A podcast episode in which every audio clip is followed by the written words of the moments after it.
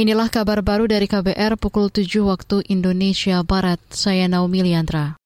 Presiden Joko Widodo hingga kini belum mengumumkan nama Menteri Komunikasi dan Informatika Menkominfo yang kini dijabat pelaksana tugas. Kursi Menkominfo kosong setelah Johnny G. Plate ditetapkan sebagai tersangka korupsi proyek Menara BTS oleh Kejaksaan Agung. Kata Jokowi pengumuman pengganti Johnny G. Plate masih menunggu waktu. Untuk kursi Menkominfo masih kosong akan diisi kapan Nanti kalau udah waktunya kan segera Namanya sudah ada? Namanya, hmm? namanya sudah ada. Ya, tapi nunggu. Menunggu apa Pak? Hmm? Menunggu apa Pak? Nunggu hari.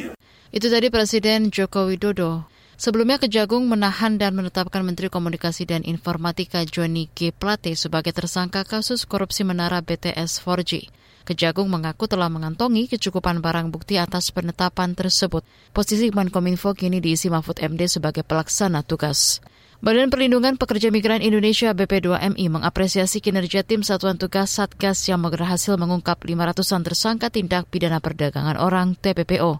Menurut Kepala BP2MI Beni Ramdhani, kinerja ini harus dijaga guna menyelesaikan masalah TPPO, sebab sudah tiga tahun lamanya tersangka TPPO tidak ditindak. 30 Mei Kapolri ditunjuk sebagai ketua harian gugus tugas. Hasilnya apa? Hasilnya dalam tiga minggu ini sudah ditetapkan ya dari kerja-kerja kepolisian pencegahan TPPO 558 tersangka kejahatan TPPO. Tiga minggu loh. Dan yang diselamatkan kurang lebih 1.500 anak-anak bangsa yang diselamatkan yang hampir dijual. Kepala BP2MI Beni Ramadhani menilai bukan hal yang sulit untuk mengungkap dan menangkap tersangka TPPO sebab ia telah berulang kali menyampaikan ada dugaan keterlibatan sejumlah pejabat di perkara TPPO seperti di lingkungan kementerian dan lembaga. Karena itu ia berharap penuntasan kasus sindikat perdagangan manusia dapat diatasi hingga tuntas ke akar-akarnya. Saudara Persatuan Sepak Bola Seluruh Indonesia PSSI menjamin ajang Liga 1 2023-2024 berjalan aman dan menguntungkan bagi sponsor. Liga 1 Indonesia akan dimulai 1 Juli 2023. Waketum PSSI Zainuddin Amali menjelaskan soal ini saat konferensi pers kemarin.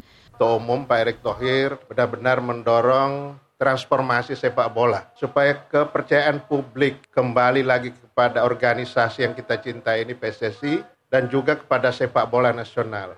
Zainuddin mengapresiasi komitmen sponsor utama Liga 1 yaitu BRI dan MTEK. Karena itu ia tidak ingin sponsor merugi. PSSI berkomitmen agar sponsor Liga 1 selalu untung. Sementara itu Direktur PT Liga Indonesia baru Ferry Paulus berharap kehadiran sponsor utama dapat menaikkan nilai Liga 1. Demikian kabar baru, saya Naomi Liandra undur diri.